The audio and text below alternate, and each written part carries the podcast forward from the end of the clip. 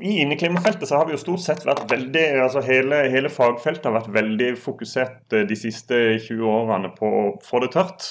Fordi at, eh, nettopp fordi at muggsoppproblematikken og fuktskadeproblematikken har vært så, så, dominerende. ikke sant? Og Det er det liksom man finner veldig mange steder. Og så ser en jo etter hvert at vi får noen problemer med tørrluft har jo vi på Folkehelseinstituttet vi får en god del publikumhenvendelser. Og særlig nå med, med ettersom balanserte ventilasjonssystemer begynner å bli ganske utbredt også i privatboliger, så, du, så, så begynner vi å få en del tørrluftshenvendelser.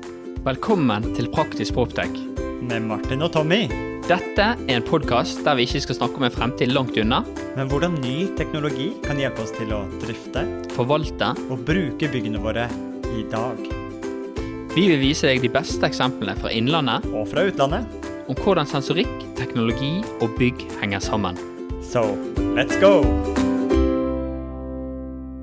Da kan jeg egentlig bare ønske god morgen og velkommen til Praktisk Proptech.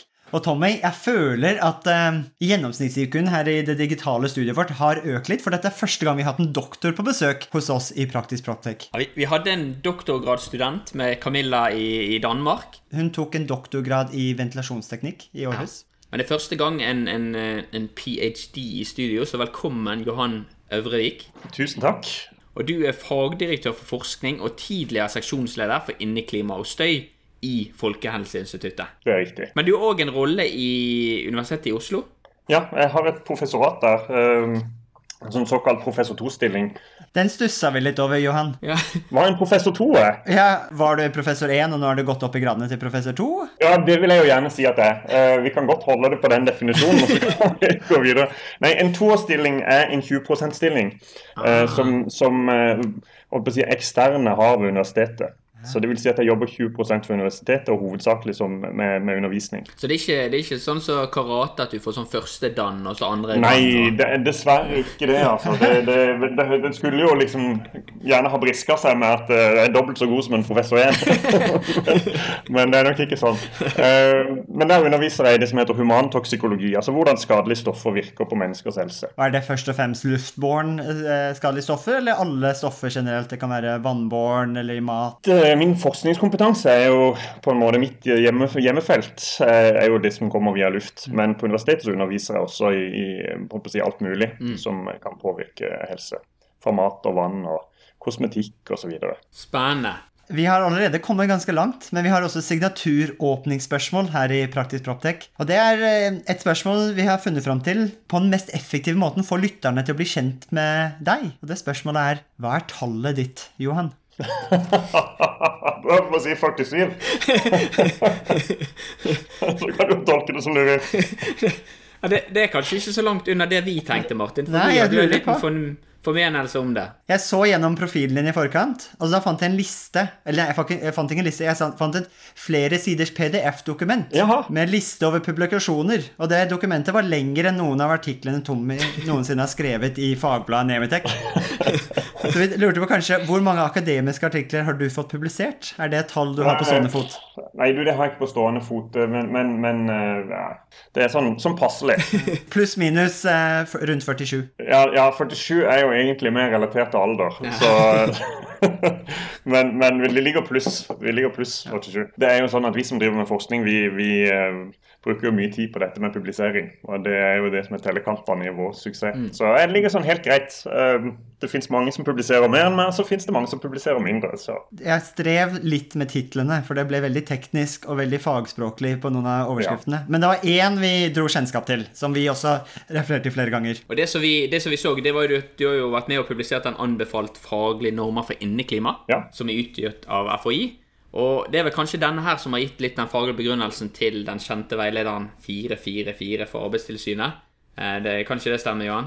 Du, nei, i hvert fall, si, Anbefalte faglige normer for inneklima er jo eh, de, de helsefaglige vurderingene som Folkehelseinstituttet gjør på, i forhold til inneklima og mm. inneklimaets effekt på helse. Så er, Det er jo en sånn rådgivende eh, lita blekke som tar for seg ulike forurensningskomponenter i innluft. og Den vektlegges av veldig mange som, som eh, jobber på inneklimafeltet. Og Vi har jo også fått uh, god del hjelp også fra Arbeidstilsynet når vi er i, i utvikling av den. Jan Wilhelm Bakke, som har vært en av de gamle nestorene på inneklimafeltet, for var f.eks. med å og ga innspill til den rapporten. Hvis, hvis vi tenker litt på, på, alle drifterne der ute, og alle som holder på med bygg, så er nok det sikkert det som er det mest kjente for de. Sånn, Arbeidstilsynet sin veileder 444. Og når vi vi møttes i fjor, i oktober, på en digital scene. Eh, da med for Grønn byggallianse.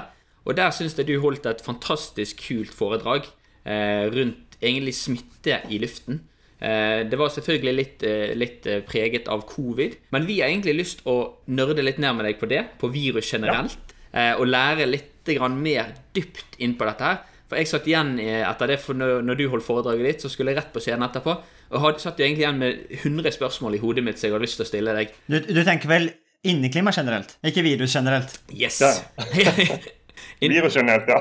Det er et stort felt. Så det vi håpte vi kunne snakke om i dag, det var jo egentlig litt sånn Hva er nytt innenfor inneklima? Hva har vi lært? Hva burde vi tenkt for? Og særlig innenfor drift.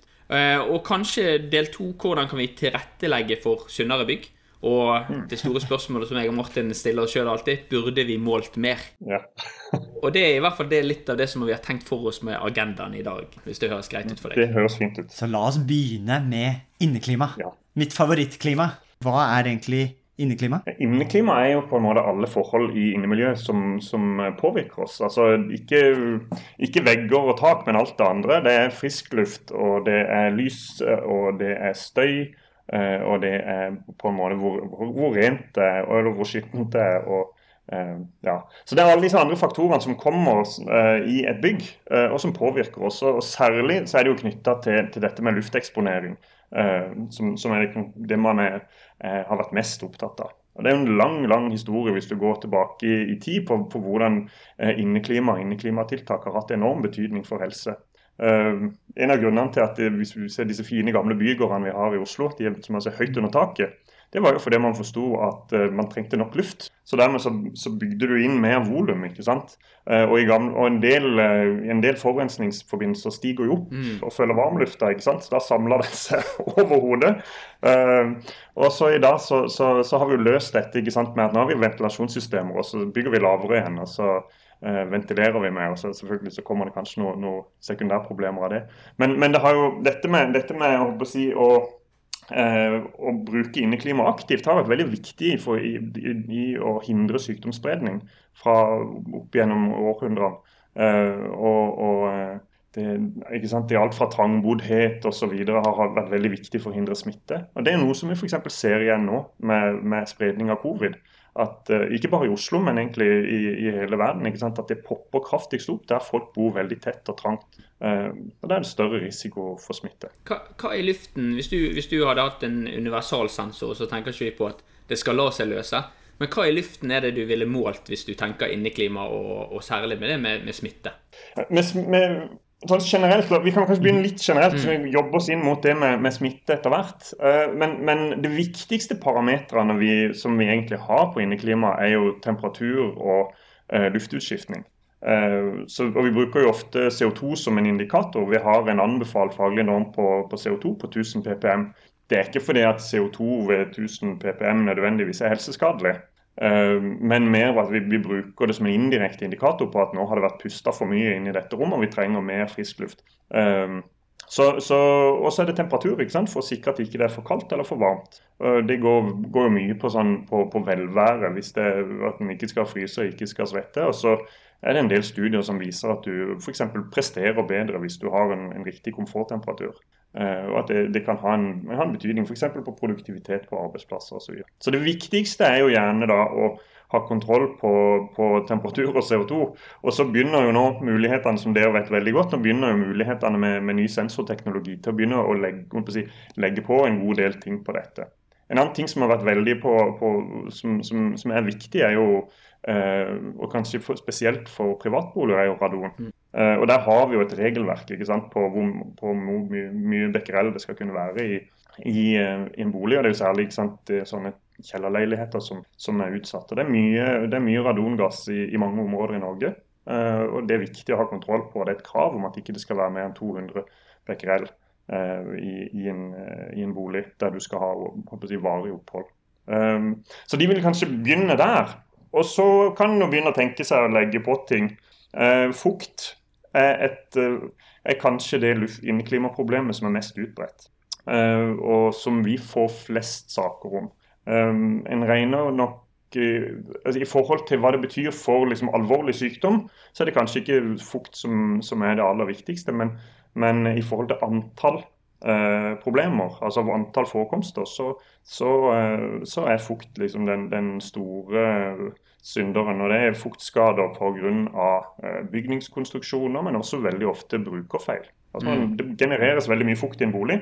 Og det man som kanskje er mest redd for, er jo vekst av muggsopp. Mm. Så når du får fuktavsetninger, og sant, i særlig gamle bygg, så kan du få, få sånne kuldebroer. og så, eh, så når, når, fuktig luft treffer en kald flate, så kondenserer det, og så, eh, og så legger det seg vann, og så begynner det å vokse muggsopp. Jeg mener jeg har lest i en sånn forsikringsrapport at, at 60% av skader på næringsbygg var fukt- eller vannrelaterte.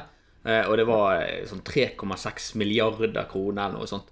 Så det er jo, for materielle kostnader så er jo fukt og luftfuktighet kanskje en, en en viktig indikator. Men, men det som jeg syns er litt interessant, det er det at uh, du, har, du, snakker jo en del om luftfuktighet også som en menneskelig faktor oppi det hele. Ja, og, og det, det, som er at man, ser i, hvis du, hvis du, går gjennom litteraturen på dette, så ser du at det er en, uh, det er en økt forekomst av, av ulike luftveisplager. Uh, som, som, er assosiert med, med fuktskader og muggsoppvekst. man vet ikke 100 sikkert si, hva det er ved disse fukt- og muggsoppskadde miljøene som driver helse, helseeffekten. Men, men eh, en tror jo at eh, det mest sannsynlig er eh, elementer fra eh, muggsoppen. Mm. Enten at det er sporer. Eh, Det er veldig mange da som, sant, mange firmaer som tilbyr målinger av, av muggsoppsporer inne i klimaet. Og så er det litt data blant annet fra, fra ting vi har gjort som kanskje peker på at det ikke sporene i seg selv nødvendigvis som gir effekt, men at fragmenter av selve muggsoppen kan være vel så hissige. Uh, og så kan også muggsopp, uh, hvis det er mye, i hvert fall, så kan du få en del sånn det vi kaller VOC-er, altså flyktige organiske forbindelser, som er kjemikalier som går over i dampform. Mm. Uh, som kan komme, som kan skilles ut fra muggsoppen de, fordi det bryter ned organisk materiale osv. Men vil det si at, at hvis, du, hvis, du, har en VOC-sensor, og den er konstant høyt, så ville du på en måte ha vært litt obs på Eller da ville du kanskje, det kunne vært en liten antydning til at det kanskje kunne vært muggsopp? Ja, eller fukt. For det, det er jo også sånn at, at, eh, at fukt i seg selv sant, kan, ha, kan, ha, en innvirkning på uh, en del bygningsmaterialer. Uh, så, så hvis, det er, hvis, det er, veldig høye VOC-nivå, så er det jo ofte et tegn på at det kan være noe galt. Så er det klart at der er det også litt Man, man må alltid tolke dette i forhold til hva slags bygg det er. Et nytt bygg vil du ha mer VOC-er, for det, det, det er mye avdamping fra nye bygningsmaterialer. Her kom det en forkortelse som vi må kanskje gå litt dypere i. VOC-er. Kan vi forklare hva det er? Ja, det, jeg, jeg prøvde å si det innledningsvis at dette er det vi kaller flyktige organiske forbindelser. Det står for volatile organic compounds. Og Man snakker om VOC-er, som er enkeltstoffer, og så snakker man om, om, det som, kalles, som vi ofte kaller TVOC, mm. veldig enkelt, som er total VOCs, eh, som er den totale mengden. Og så har vi ikke noen sånn veldig gode anbefalinger for hva de nivåene skal være på. Så man ser jo gjerne etter om det er noe som er unormalt i forhold til Eh, til hva en ellers finner i andre bygg. Det som er litt interessant, og det, det er for det er vel 13-14-15 år siden så, så, eh, så, programmerte jeg mine første bygg. Eh, og da hadde vi I dag så er det veldig ofte temperatur og, og CO2-sensor som er i bygg, som styrer. Men den gangen så hadde vi et prøveprosjekt med, med, med en temp T-vox-sensor for å styre luften. Altså Da skulle ikke det bare være CO2, men det skulle òg være lukt og avgasser. Det var, det, var sånn, mm. det var vel noen konsulenter som hadde tenkt noe lurt, så vi skulle prøve. Men jeg husker veldig godt at konklusjonen på det byggemøtet det var jo en, en, det som vi kaller en stril, altså en som bor litt utenfor Bergen, som er litt, gjerne litt røff i målet. Men han sa jo det at, at eh, nei, dette her dette var det de kalte en god gammeldags skjethusføler. Du kunne bruke han på en utedass, der responderte han godt, men ikke i klasserommet. jeg syns det var en litt sånn artig oppsummering av det, for du vet ikke, du vet ikke alltid hva du måler, om, om, det er noe farlig eller om det er noe bra, men det at det er noe der, det responderer jo han veldig bra på. Ja, og det, det, er jo på en måte litt sånn generelt for, for inneklimafeltet i det hele tatt. Også når det gjelder den, sånne sporemålinger etter muggsopp og alt. Altså, det, er ikke, det, er ikke, alltid så veldig enkelt å si at det er akkurat dette som uh, Hvis du har et problem i et bygg, og så sier ah, den mm. faktoren der, den piken på et eller annet uh, uh, som er blitt målt, dette er årsaken. Mm. der er vi veldig sjeldent. Så det en ofte leter etter, er jo liksom Er det noe unormalt mm. her? Er det noe som skiller dette bygget fra andre ting? Og så så, så, har det dessverre vist seg å være vanskelig å på en måte identifisere alltid hva som er, er problemet i, i, bygg, der du har f.eks. mye sykefravær eller um, Så man snakker jo også inne klimasammenheng om det vi kaller sick building mm. syndrome, altså syke bygg. Uh, der, og, og, og, der det er sant, mange folk som, re, som rapporterer om hodepine, tretthet og Eh, og Det er ikke alltid så, så enkelt, dessverre, å finne ut av hva, hva det er som, som, som er årsaken. Du, du, du, jeg synes Det ene som du nevner der, er jo litt denne årsakssammenhengen som jeg syns er interessant. Og Da er jo det særlig interessant å ha mer data. Sant? Sånn som eh, jeg, meg og Martin vi har vært og feilsøkt på bygg der vi ser svært høye VOC, og så har vi sett at temperaturene øker samtidig. Og sånn som jeg har skjønt det, sånn så korrelerer jo temperatur og VOC ofte for du slipper gjerne møbler mer avgasser. Ja. Stemmer ikke det? At du har, du har flere korrelasjoner? Jo, det, det, det, det, er egentlig ikke så rart. For det at, det, at et stoff er så det vi kaller flyktig eller volatile, mm. det handler jo om at det går over i gassform. Eh, og det som er kokevann. ikke sant? Du, Vann er flytende helt til det passerer eller begynner å nærme seg 100 grader. Så mm. begynner det å dampe. Jo varmere det blir, jo mer damper av. ikke sant? Og, og Sånn er det med, med, med alle VOC-er, men de har ulike fordampningspunkt. Mm. Men, men, det er helt klart ikke sant, at temperaturen eh, er veldig viktig i form av å, å gjøre, at du får frigjøring av det, disse stoffene. Nå har vi pratet om fukt, men i konteksten med høy fuktighet. Hva med tørr, eh, luft, eh, lav relativ luftfuktighet? da? Ja, altså I, i inneklimafeltet så har vi jo stort sett vært veldig altså hele, hele fagfeltet har vært veldig fokusert eh, de siste 20 årene på å få det tørt. Fordi at, eh, nettopp fordi at muggsoppproblematikken og fuktskadeproblematikken har vært så, så, dominerende. ikke sant? Og Det er det liksom man finner veldig mange steder. Og så ser en jo etter hvert at vi får noen problemer med tørrluft. Uh, og, og, det har jo vi på Folkehelseinstituttet. Vi får en god del publikumhenvendelser. Og særlig nå med, med ettersom balanserte ventilasjonssystemer begynner å bli ganske utbredt også i privatboliger. Så, du, så, så begynner vi å få en del tørrluftshenvendelser. Og det skyldes jo dette igjen med at uh, igjen er temperatur viktig. Temperatur påvirker luftas evne til å binde vann. Så, og Det er jo derfor det regner mye i Bergen, ikke sant, Tommy? For der kommer den, uh, der kommer den kalde der kommer, Eller der kommer den varme mener jeg, sjølufta som er fuktig inn mot Bergen og Vestlandet, og så treffer den fjell, fjellmassivene der som kjøler lufta ned. Og, så, og, da mister, når lufta blir kald, så mister den evnen til å, å binde vann, og så regner, faller dette ut som regn. Men Det betyr jo også at lufta blir tørrere når den blir kjølt ned. ikke sant? Så, så det er en veldig klar sammenheng mellom lufttemperatur og hvor mye, hvor mye liter, eh, liter, vann du kan binde i luft. Eh, så på vinteren når det blir kaldt, eh, så, så, er lufta veldig tørr. Hun føles ikke tørr. Fordi at det er den relative luftfuktigheten som vi ofte opplever når vi er ute. Men når du tar den tørre, eh, når du tar den tørre kalde lufta inn i en bolig, gjerne da gjennom et ventilasjonsanlegg, eh, og varmer den opp, Eh, og tar den inn i huset, så, blir, så er den fremdeles det er akkurat like lite vann i den lufta som det var før, men han føles mye tørrere fordi at du har nå varma den lufta opp til et nivå der han kan egentlig potensielt binde veldig mye mer vann. og Da begynner vi å kjenne det på eh, slimhinnene våre, på, på øyne og i nese osv. Dette her, dette her, er litt interessant, for dette her var en stor lunsjdiskusjon på Proptek Bergen. Det å forstå ja. relativ luftfuktighet. Så den må vi nesten stoppe på. For det, det, det er jo ikke Det var jo en, en, diskusjon der var jo om når du tar luften inn i bygget, om du rett og slett tørker den opp. Men det er jo ikke det du gjør. sant? Det er jo det at han allerede er tørr, eller tørr nok ja. med en veldig veldig lav temperatur. Og når vi f.eks. tar en 30% relativ luftfuktighet 0 grader, tar den inn til 18 grader, da, vil den relative luftfuktigheten sånn relativt til den temperaturen være mye mye lavere. Det, det stemmer, for vi opererer med to størrelser her det som heter absolutt luftfuktighet og relativ luftfuktighet. Men det er relativ luftfuktighet som altså Det vil si hvor mange prosent av totalen. ikke sant? Hvor mye metning du har. Om du har 100% metning eh, av, av, altså vannmetning av lufta. Eh, da har du 100% relativ luftfuktighet. Den, den, er temperaturavhengig. ikke sant? Så den absolutte um, ja, Nå må vi spole tilbake og prøve å si dette. Det er lett å, å grølle tunga når man prøver seg på dette. Men, men, det som, men, men altså, poenget er at, at, absolutt luftfuktighet det går på, på vektmengden av vann bundet i luft. Uh, og den påvirkes av temperatur. Så jo varmere luft, jo mer uh, liter eller gram med vann kan du, kan du ha i, ga, i gassform i lufta. Eh, den relative luftfuktigheten sier hvor mye, hvor, hvor, i hvilken grad du har nådd metning med ulike temperaturer. Så Derfor så kan du veldig gjerne ha på en fin vinterdag i Norge. Um, si at det er ti minus ute. Og så hvis du har en, eh, en sånn en liten værstasjon som noen av oss har, uh, så kan du se på værstasjonen din ute at det er, det er 90 Eh, luftfuktighet, 80% luftfuktighet ute. Og så suger du, men det, men det, betyr jo likevel at det er en relativt liten mengde vann som er der. For at den lufta er så kald at den binder nesten ikke noe. Så den har nesten nådd sitt makspotensial.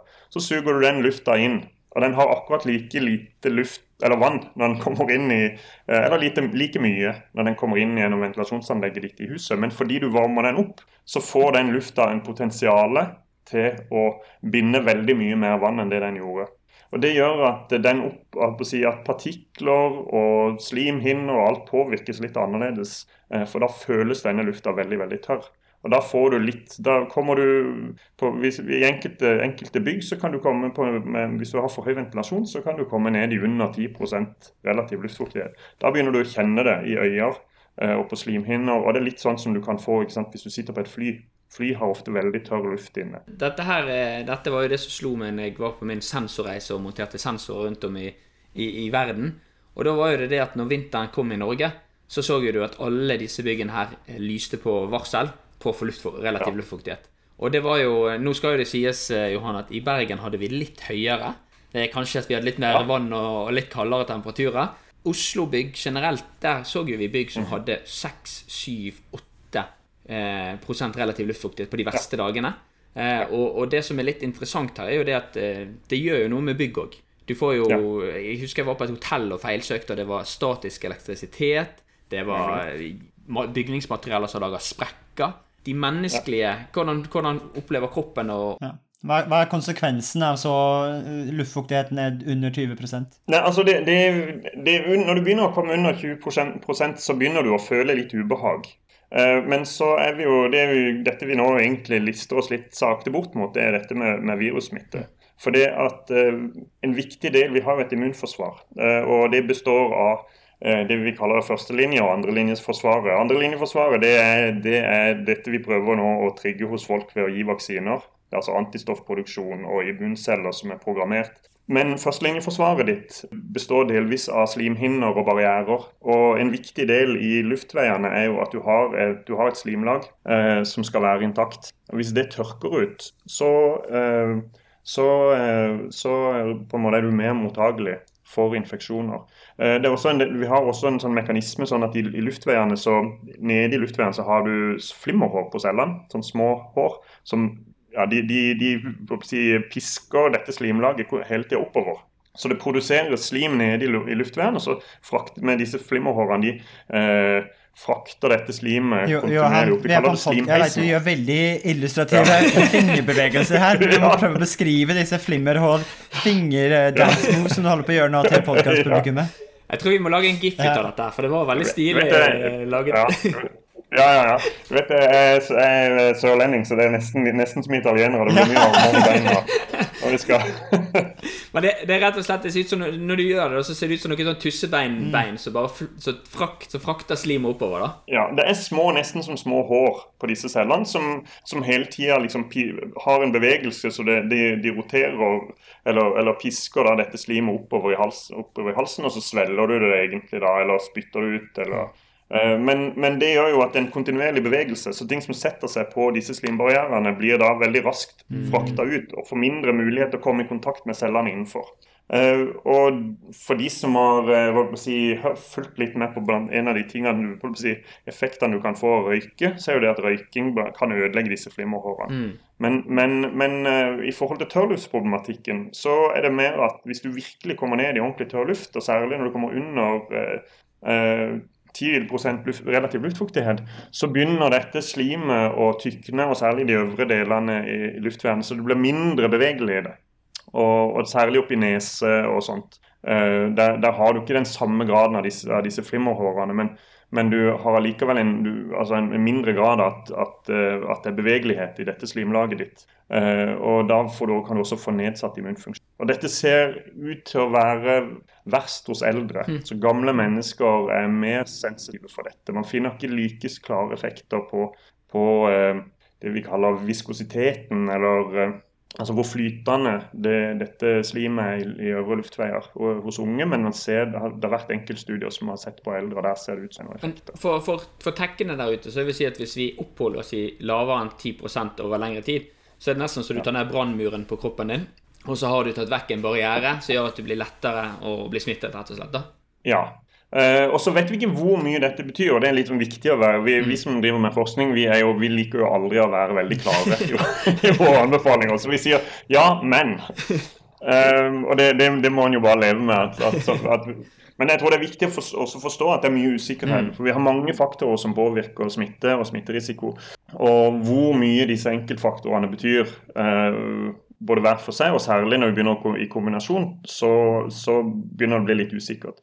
Men, men, jeg tror det som også er veldig viktig å huske som sånn første trinn der, er jo at, uh, at dette med veldig tørr luft det føles mm. ubehagelig.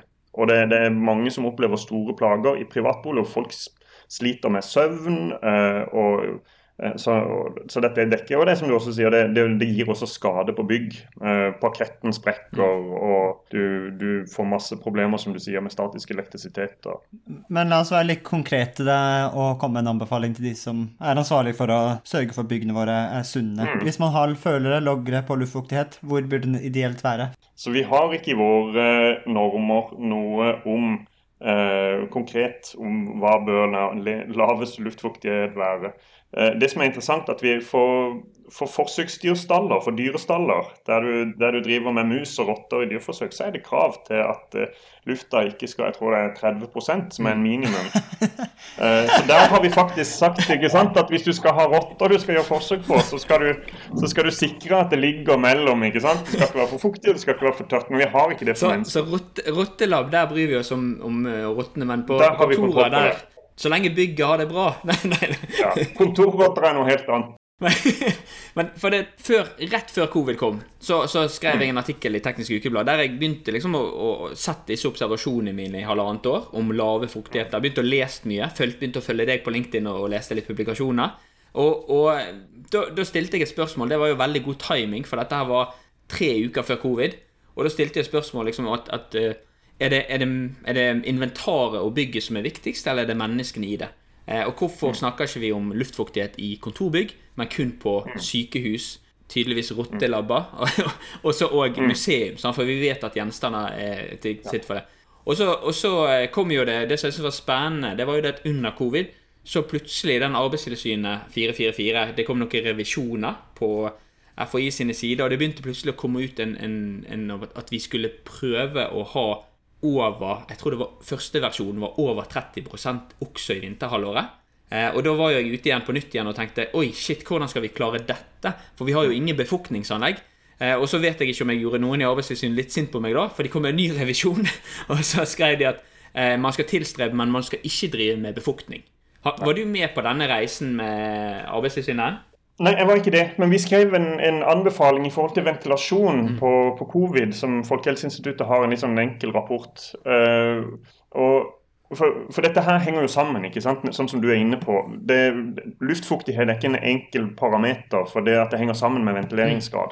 Uh, og ut ifra fra et smittevernsståsted uh, så, er, så er jo også ventilasjon og frisklufttilførselen viktig. Mm. At den fortynner antall viruspartikler. Eh, og, og, eh, i lufta. Eh, sånn at du har på en måte to faktorer her som virker litt sånn mot hverandre. Den ene er tørrluft, som gjør deg mer mottagelig. Også, det er også vist at, at disse viruspartiklene overlever mye lenger i lufta og kanskje spres over større avstander hvis det er veldig tørr luft. Mm. Sånn at tørrluft har en sånn dobbeleffekt på virussmitte. Men så har, den, så har, ventilasjonen den har jo en fortynningseffekt. Mm. Sånn at, og, og for det, det, det, er et sjansespill. Når du, når du, For å bli infisert så må du ha et visst antall viruspartikler du må, må inhalere. ikke sant? Og Disse to virker litt mot hverandre. Eh, men hvis du øker ventilasjonen, så fortynner du antall viruspartikler og tar ned eh, risikoen. Men samtidig så risikerer du kanskje på vinteren at du får enda tørrere luft, eh, og gjør at eh, enkelte blir noe mer mottagelig for smitte, og at det kanskje viruspartiklene kan holde seg levende i, i lengre tid. Og Summen av disse to faktorene som det det vet vi ikke hva, hva er. Mm. Dette har jo diskutert litt med deg også, Martin.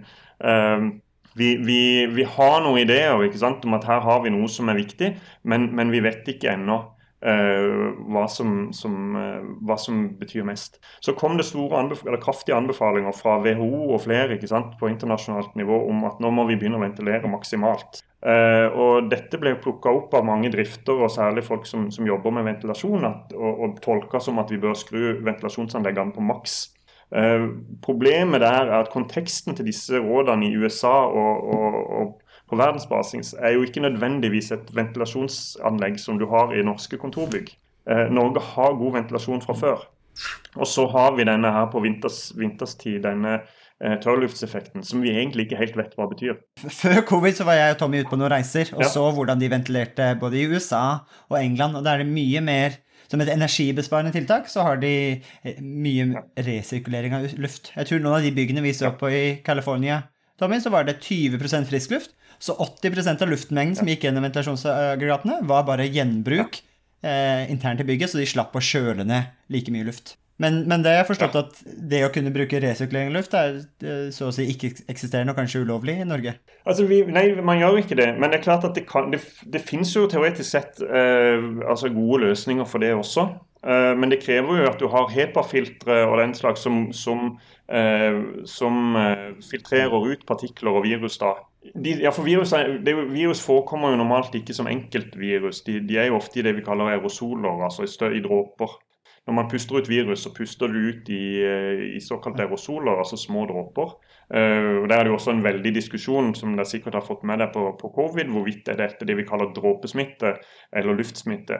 I realiteten så, så, handler det egentlig om det er de større dråpene som du hoster ut, uh, og som ikke går så langt, eller om det, om det er de i veldig små dråpene som kan, kan fraktes langt. Meslinger f.eks.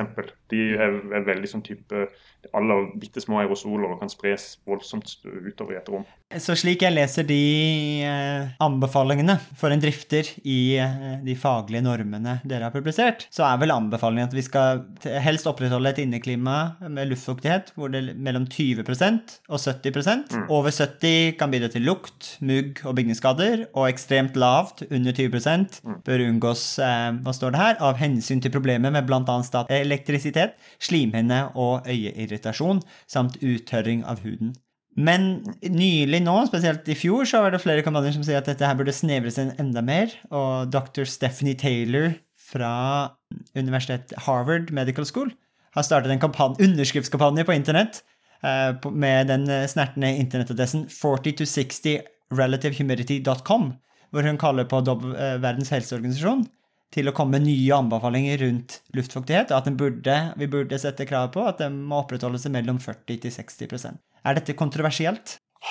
Jeg tror ikke det er kontroversielt at det kanskje kunne være det ideelle uh, nivået. Og, og det, det, er jo mye som peker på at det, det å ligge rundt det spennet der uh, føles behagelig. Uh, altså Så det rent sånn opplevd er ganske, ganske ideelt. da, så Eh, er det grunn til å tro at, eh, at risiko for, eh, for virussmitte er lavere når du ligger, ligger over 40% luftfuktighet. Samt at går du over 60 Vi har satt 70 i våre normer. Men, men du, kommer du opp i høyere luftfuktighet, i hvert fall, så øker da risikoen for fuktskader. og mikro, Det er ikke bare muggsopp, det er også altså mikro, en annen mikrobiell vekst, sånn som bakterier og sånt, kan, kan også øke. Ehm, det er nok viktig å være klar over at i forhold til den øvre grensa så vil det kunne variere litt fra bygg til bygg.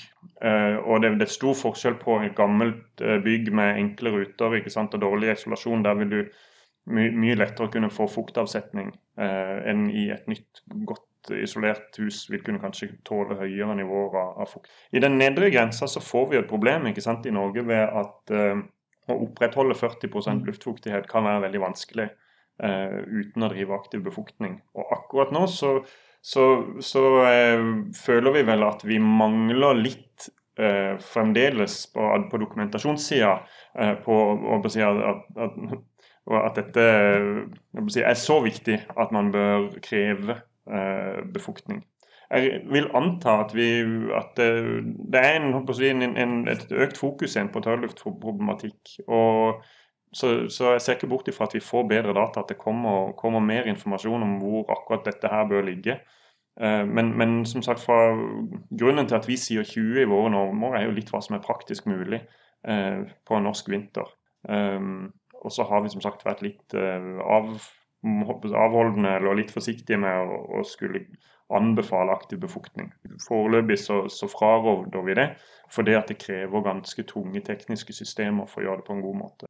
For det, for det tenker jeg veldig sånn Vi snakket jo om at eh, i starten at temperatur og CO2 det er liksom det er default-verdier. De, de, skal vi måle. Og, og, da kan jo vi styre. sant? Temperaturen, der har vi gjerne en, en oppvarmingsenhet som varmer opp. Og, og, og på CO2-en så har vi, sånn som du sier i Norge, som oftest god ventilasjonsrate. Så der kan vi øke eller, eller minimere. da. Eh, og veldig ofte så har vi bare konstant luftmengde i mange bygg, som vil si at du kjører jo maks hele tiden. Men, men når, når, vi begynner å snakke om Eller når, begynte, Arbeidstilsynet begynte å snakke om, om, at dette var et ønske, så tenkte jeg ja, men det er jo ingen altså Sånn meg betatt, så er det liksom det er kun sykehus, museum, som har noe befolkningsanlegg, og så å si ingen kontorer der ute. Trykkerier bruker befolkning. Så det fins jo, det, det jo systemer for å gjøre dette men de er kostbare. Eh, og vi er jo litt usikre på om det, det er mulig og på noen praktisk mulig å, å gjøre dette. Mm. Også fordi det stiller mye krav til bygget. og det, det, det, blir veldig dyre systemer. og Jeg tror ikke vi skal gå ut og anbefale eh, Vi skal overhodet ikke anbefale befuktning nå. Mm. Uh, og det, En skal ha veldig gode data uh, før en på den måte går til det skrittet og sier at dette bør mm. vi gjøre. Uh, det ligger jo noen muligheter også, sånn som, som dere var inne på, med, med omluftsbruk og, eh, og, og, filtrering som kan eh, som, Og du kan, senke, du kan senke luftfuktigheten litt, nei, lufttemperaturen litt, så vil du også kunne øke relativ luftfuktighet noe. Eh, hvor, men, men, å komme opp i 30-40% er nok vanskelig, tror jeg. Men hvis vi, hvis vi, ser litt på det konkrete, da. La oss si at nå, mm. Eh, hvis det er noen driftere ute nå som har fått masse forskjellige råd og tanker, så tenker jeg at, at, det hadde vært litt gøy å sette litt på det. For vi, vi, det er akkurat sånn som de sier, vi kan jo gjøre noe med luftfuktighet på de verste dagene. Eh, og det som jeg har tenkt i mitt hode, er jo det at jeg har jo veldig ofte brukt CO2 for å se på når er mennesker der. Sånn at jeg kan begynne å si at ok, den, no, dette er brukstid, og dette er nattestid.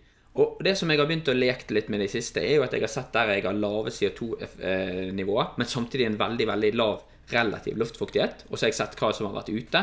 Da har jeg òg begynt å dra ligninger mot dem at her tror jeg vi overventilerer veldig. Her har vi for mye mm. luftutskiftning etter x antall mennesker. Ja. Tror ikke du at det kunne vært en sånn bra ting for en drifter der ute? Ja, og vi endte jo i på en måte i den, den anbefalinga vi har gitt på covid, så har vi jo sagt sant, at det er viktig å opprettholde god ventilasjon. Og så, og så har vi prøvd å gjøre oppmerksom på at det fins en, en X-faktor her. At hvis vi ventilerer for mye i de kalde periodene, så vet vi ikke helt om det på en måte begynner å virke mot sin hensikt. Eh, så vi har jo sagt at, eh, at vi anbefaler at Altså vi, vi la oss på 20% og så sa vi at hvis det begynner å bikke under det, så bør man kanskje vurdere å senke ventilasjonsgraden litt. Det er et vanskelig spørsmål, mm. for det, det, er på en måte et praktisk eksperiment. Og, og, og, en begynner å klusse for mye med dette hvis du har folk på jobb og det er risiko for koronasmitte.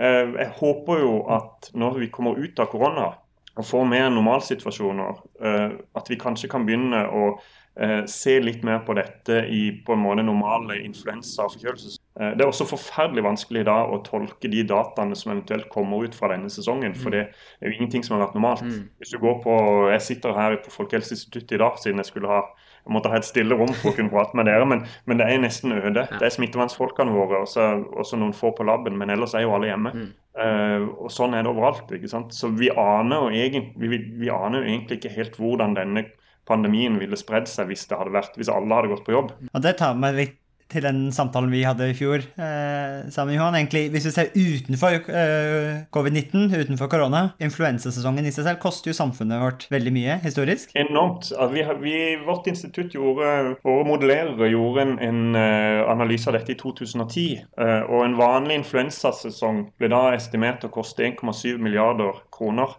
i 2010-kroner. Eh, av så er 150 millioner eller noe sånt eh, røftlig var syk, altså helsetjenestekostnader. Resterende eh, over 1,6 milliarder sykefravær. På, det vi vet er jo at veldig mange av disse luftveisinfeksjonene de følger en årssyklus. Ikke sant? Så de, de, vi, har en fast influensasesong, men det gjelder ikke bare influensa. Det gjelder også eh, vanlig forkjølelse, og det drives av forskjellige typer koronavirus, som er liksom fettere og kusiner av den eh, covid-19 som herjer nå. Mm. Um, og alle disse, alle disse er på en måte har liksom en klar sånn uh, sesongbetont uh, uh, utvikling der det kommer på utover høsten. Og så når det maks nå gjerne sånn i januar-februar, og så varer det til, til ut i mai. Og det, det, ser du på hele den nordlige halvkule. Og så når, det, når, sommeren kommer her, så flytter det seg sørover. Og så popper det opp i, eh, i tempererte regioner i sør. Eh, og når de får sin vintersesong.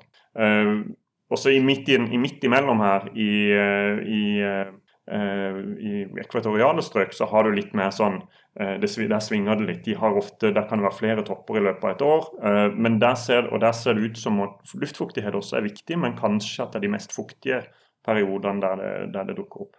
Men så du har den veldige, veldige sesongvariasjonen, og man tror at fukt at fukt og temperatur er to, er to, av de viktige driverne for, for, dette. Men vi vet ikke sikkert. Men vi vet jo at vi tilbringer 90% av tida vår innendørs. Og det vi har sett fra, fra covid nå, en regner jo at det er relativt lite smitte ute. Eh, for at du har voldsomt stor luftutskiftning, og du har UV-lys som tar knekken på virus ganske raskt. ikke sant? Etter alle solemerker så foregår jo det meste av virussmitten innendørs. Eh, og det ser du nå på, på fagfeltet. altså Inneklimaet var allerede i ferd med å, å, å få eh, ganske mye mer oppmerksomhet før covid, men nå kommer det for fullt, og det kommer veldig i kontekst av virussmitte, bioaerosoler og dette. Og Hva tror du konsekvensen er for drifterne, hvis, hvis det var en trend som nå har blitt akselerert pga. det siste året vi har vært gjennom? gjennom? Hva er konsekvensene for de som drifter, forvalter, designer og bygger bygg? fremover? Hva må man tenke på som er annerledes? Nei, altså det, det jeg vet er jo at Næringslivet nå begynner jo å, å, se på dette. Fordi man ser hva kostnadene og man begynner å forstå ikke sant, at, at, vi må, at en må tenke smittevern, også i design og drift av bygg. Eh, hva hva den endelige konsekvensen blir, det vet jeg ikke, men jeg tror det aner meg at vi står overfor noen år nå post-covid der dette kommer til å få en helt annen fokus enn det det har hatt før. Eh, og Forhåpentligvis så får vi kanskje svar på en god del av disse spørsmålene som, som uh, vi har i forhold til hva betyr luftfuktighet, hva betyr ventilasjonsraten. ikke sant? Og så er det jo, som det feltet dere er, på, uh, dette med sensorteknologi, er jo noe som ekspanderer enormt. Og Det store problemet for oss som har jobba med, med, helse og inneklima, er jo at vi har hatt veldig dårlige data. Mm. Jeg, har, jeg har begitt meg ut på en diskusjon med, med, med bransjebauta på ventilasjon. Mm. Og, og, da har jeg alltid stilt det spørsmålet. Jeg var jo en av de som når covid kom, så kjøpte jeg eh, befuktning hjemme. Eh, og HEPA-filter. Og jeg kjøpte alle PM-sensorer, liksom partikkelmonitorering og alt. Og, og, jeg kjørte dette. Og jeg husker det første som slo meg, det var det at plutselig fikk vi mye mer støv hjemme. Fordi støvet bandt seg til vann. Eh, og hun konen min følte jo at dette her var noe en sånn støvmaskin jeg hadde kjøpt. Men det var jo en positiv ting, siden ikke vi, siden ikke vi pustet det inn. Men, men, det som slo meg litt da, var at når jeg, når jeg begynte å se på de, de, effektene det ga hjemme på vinterstid i fjor i mars, og, og ikke minst den, den, den følte opplevelsen om at oi, dette var jo mye friskere og sunnere luft. Det, så, så, begynte jeg å liksom legge meg ut med litt ventilasjonsbauter på feltet og sa at hvorfor gjør ikke vi dette i bygg? Det, la meg skjønne hvorfor ikke. Befuktningsanlegg i bygg. Hvorfor gjør ikke vi det? Jeg har vært med og demontert de, men ikke, ikke, ikke faktisk montert de. Eh, og da var jo tilbakemeldingen var jo alltid sånn at ja, men ulempene er så store. Du kan få legionellasmitte, du kan få sopp og muggsopp og alt. Så ja, men det handler jo kun om å måle. Det handler jo kun om å måle. Og hvis dette var en avgjørelse som ble tatt for, for 20 år siden, før, liksom, før Proptech, før sensorikken, så har jeg alltid, alltid lyst til å stille spør spørsmålet igjen at med alt vi kan måle i luften i dag, med alle med mikrosensorer i krinkler og krankler og i vinduskarmer, tror du at vi kan tillate oss å, å tenke befolkningen i bygg nå når inneklimaet blir så populært igjen? Jeg tror jo kanskje vi kan gjøre det, spørs men spørsmålet er liksom øh, om vi bør. og mm. altså Der tror jeg vi trenger mer, eh, mer, kunnskap. Men at det kommer løsninger, det vet vi. Det fins løsninger som, som, som kan håndtere dette. Det fins jo også andre måter enn type fuktsystemer. Du kan jo ha mer beplantning, ikke mm. sant. Uh, og, og det, det, det, jeg tror det er, det er også litt bevegelse i dette med inneklima, innemiljø. Eh, opp mot sant, betydning av natur og grønt og alt sånt, som, som, som går litt i den veien. Hvordan bygger vi sånn, mer sånn biologiske miljøer inne? Og, altså, det er masse som, som rører seg. Så, og, og, Har du mye planter, så vil det også bidra, kunne bidra til, til For du, de, du, har jo gjerne fukta i, eh, i potter osv. Men, men, eh, men at det finnes løsninger, ja, det tror jeg. Og eh, eh, Forskeren i meg eh, sier jo bare få opp så mye sensorer som mulig, så, kan, så vi kan få alle disse dataene. Eh, ikke sant? Eh, og, og, det gir ikke sant? Du ser uante muligheter framover, i hvert fall hvis sensorteknologien blir god nok. Mm. Men så skal vi også huske litt i vårt budskap til folk at vi må passe på at ikke vi sykeliggjør for mye. Mm. Eh, og det er òg viktig å ha med seg, og det tenker jeg spesielt til dere ikke sant? Som, mm. som, som er veldig tech-orientert og syns dette er gøy, så må vi òg huske at det fins mange som er forferdelig bekymra. Mm. Eh, og mye av det vi måler, kanskje, er kanskje ikke eh, og regulerer, er kanskje ikke så viktig for eh, helsen til den enkelte. Men vi ser effekter eh, fordi man har store befolkningsgrupper. Så i sum så kan det ha mye å si for samfunnet. Men, men, men vi er jo også i et eh, si, en, en, en, en, verden i dag der vi har mye sykelighet fordi folk går rundt og er redd. Mm. Og de er særlig redd for ting du ikke kan se og ikke du kan lukte. Eh, men som en sensor kan si at oi, her er det. Og det mm. tenker jeg, Der har vi en utfordring i det også i en sånn tech-framtid, der vi kan måle og eh, ikke sant, at, at vi, hvis vi pusher dette for hardt, så vil noen også eh, bli syke, mm. og alvorlig syke, fordi at de er bekymra. Mm. Og, og de får, tilgang, de får tilgang til data de ikke før har tilgang til, og ja. kan kan ikke forstå egentlig risikoen relatert til det, eller feiltolker dataen. Feil, ja. Feilinformert rundt dataen. Litt, jeg får litt sånn flashback til når jeg var på, på eh, Jeg kjøpte meg en sånn her eh, i, USA, en, en, sånn kjempestor diner-bord, eh, og da fikk du faktisk på kvitteringen din fikk du kalorilappen. Ja. Men jeg hadde lest feil på kalori og den KJ, som er mye, mye høyere. Energi. Energi, ja. sant? Så jeg trodde jo jeg nettopp hadde spist 5400 kalorier. Ja. Og det var helt klart at Da følte jeg meg helt forferdelig, helt til jeg skjønte neste dag at nei, det var jo energien mest. Kaloriene var jo bare 500. Så det var Så det er litt egentlig den der, der og ikke, og, og at du får tilgang til mye røde tall, og så, og så ja. føler man at man kanskje blir syk pga. det. da. Og det, det, det, det blir en balanse framover, tror jeg. Mm. For, for det at uh, måling og regulering er kommet Mm. Uh, for å bli. Det er jeg ganske sikker på. Uh, men, det, men, det, blir viktig for oss å kommunisere dette riktig, på riktig måte. Uh, passe på at vi fokuserer på de tingene som virkelig betyr noe, og ikke på for mye på det som kanskje betyr noe. og i hvert fall ikke at den sprer unødvendig frykt. For, for det, det, er veldig mange folk i samfunnet i dag som er, har enorme plager fra, fra, fra stråling som vi ikke kan påvise at det, at det finnes noen effekter, eh, i hvert fall som skulle tilsi at de får de utslagene de får, eh, fra det vi kaller infralyd. Lyd som har så lave frekvenser at ikke du kan høre det. Eh, fra kjemikalienivåer som er langt under de, de grensenivåene som vi vet er helsefarlige. Men, men fordi man, man er bekymra for effekter. Og du, du trigger sykdom ved å være, gå rundt og, og, og bekymre deg for ting. Så vi må, vi må, finne, vi, vi må balansere dette. Men, mm. men, men, altså sånn i forhold, særlig i forhold til drift av eh, kontorbygg og offentlige skoler, alt dette her, så, så, så ser, vil jo dette bli en skattkiste for oss som, som er interessert i helse, fordi man etter hvert vil kunne aggregere mye data fra inneklimafeltet som vi aldri kunne gjøre før. Og med det, Tommy, er jeg så gira og glad, for alle er blitt glad i Proptech. Til og med Folkehelseinstituttet er eh, spent til å bruke sensorteknologien til å øke vår forskning og forståelse av inneklima. Du skal få data, Johan. Det lover vi. Men beklageligvis, denne spennende episoden av Praktisk Proptech er over. Mitt navn er Martin. Mitt navn er Johan. Og mitt navn er Tommy. Og du har nettopp hørt på Praktisk Proptech.